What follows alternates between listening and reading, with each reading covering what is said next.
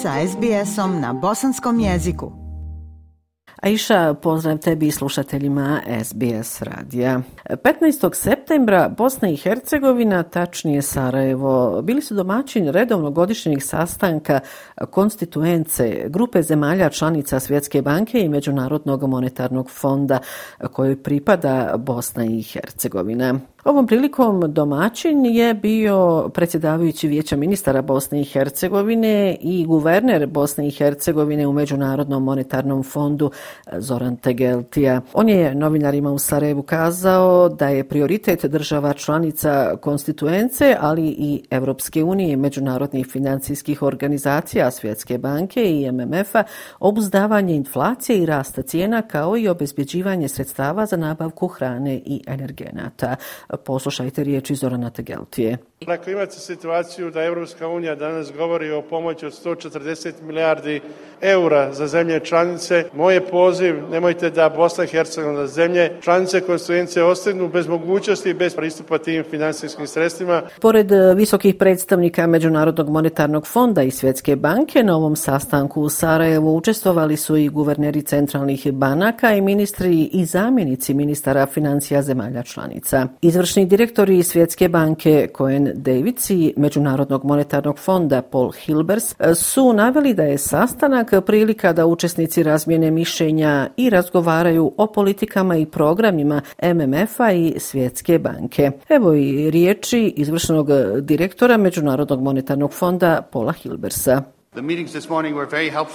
Danas imamo priliku razgovarati o pomoći koja je već pružena, ali i onoj pomoći koja će se osigurati.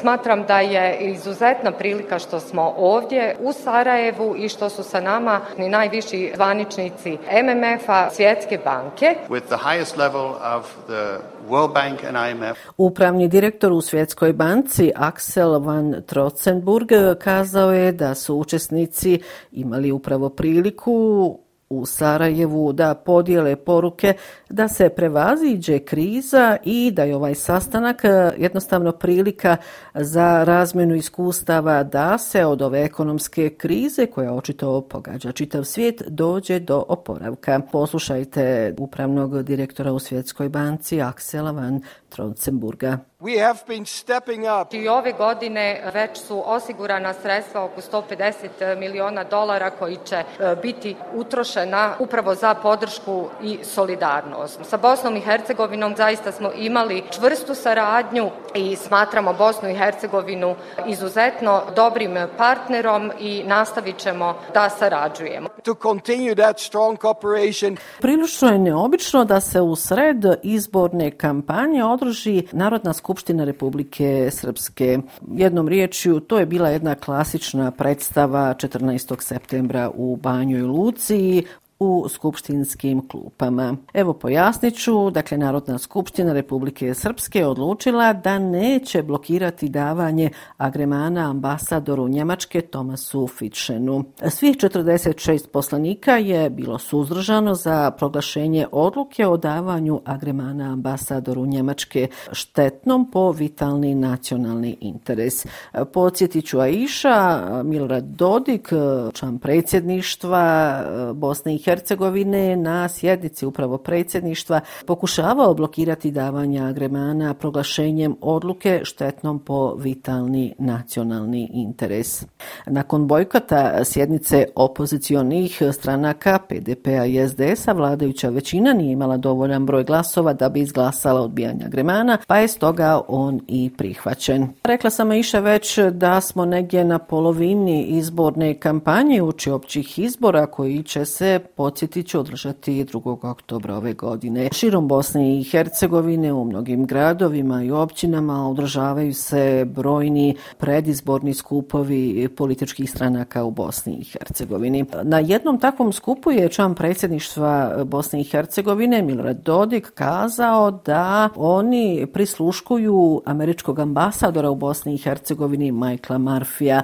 Na tu tvrdnju je upravo reagovala i to oštro odgovorila ambasada Sjedinjenih američkih država u Bosni i Hercegovini. Dakle, oglasila se ambasada i ovom prilikom je kazala, citiram, ono što kažemo u četiri oka je isto što kažemo i javno. Sjedinjene države ostaju privržene suverenitetu, teritorijalnom integritetu i multietničkom karakteru Bosne i Hercegovine i mi ćemo odgovoriti na svaku destabilizirajuću antidejtonsku aktivnost. Svak lama gospodina Dodika ne može promijeniti fundamentalnu činjenicu da Republika Srpska nije država. To je jedan od dva bosansko-hercegovačka entiteta, stoji između ostalog u saopćenju iz ambasade Sjedinjenih američkih e, država u Bosni i Hercegovini, nakon što je Milorad Dodik kazao kako prisluškuje američkog ambasadora u Bosni i Hercegovini, Michaela Marfija.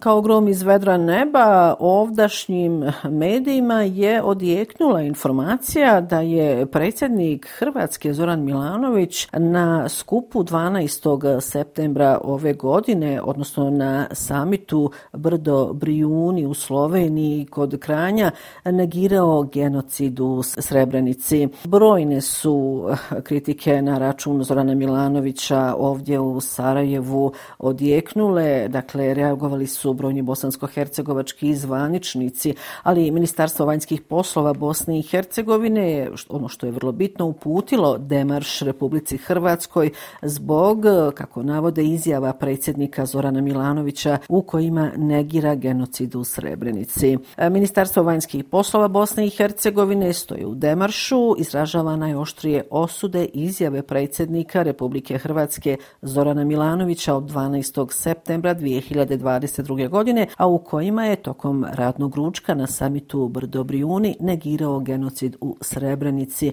Navedeno je u Demaršu Ministarstva vanjskih poslova Bosne i Hercegovine. Članovi udruženja žrtava i svjedoka genocida i pokreta Majke Inklava Srebrenica i Žepa pisali su predsjedniku Hrvatske Zoranu Milanoviću zbog negiranja genocida u Srebrenici i u tom pismu Majke enklave su kazale kako Zoran Milanović Jovanović e, nije više dobrodošao u Srebrenicu. Reagovao je i Rijaset Islamske zajednice Bosne i Hercegovine koji je najoštrije osudio negiranje genocida u Srebrenici.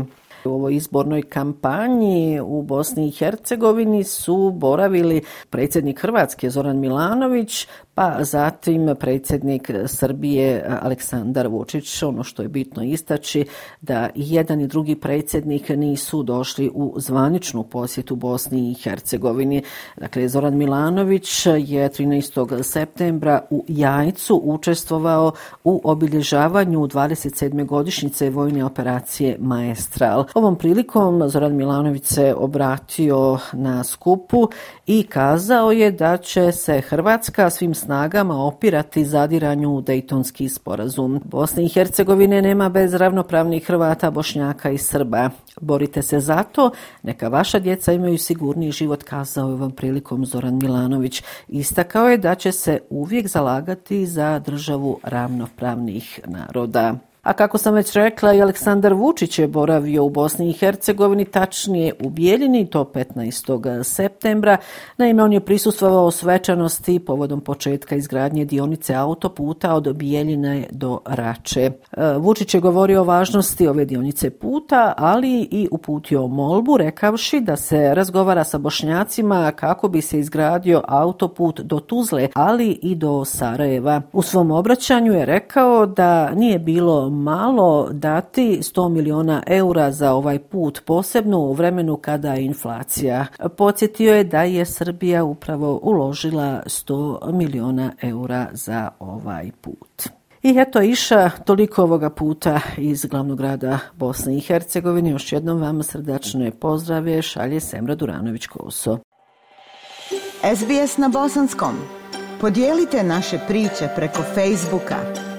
Želite poslušati još ovakvih priča? Slušajte preko Apple podcasta, Google podcasta, Spotify ili kako god da primate svoje podcastove.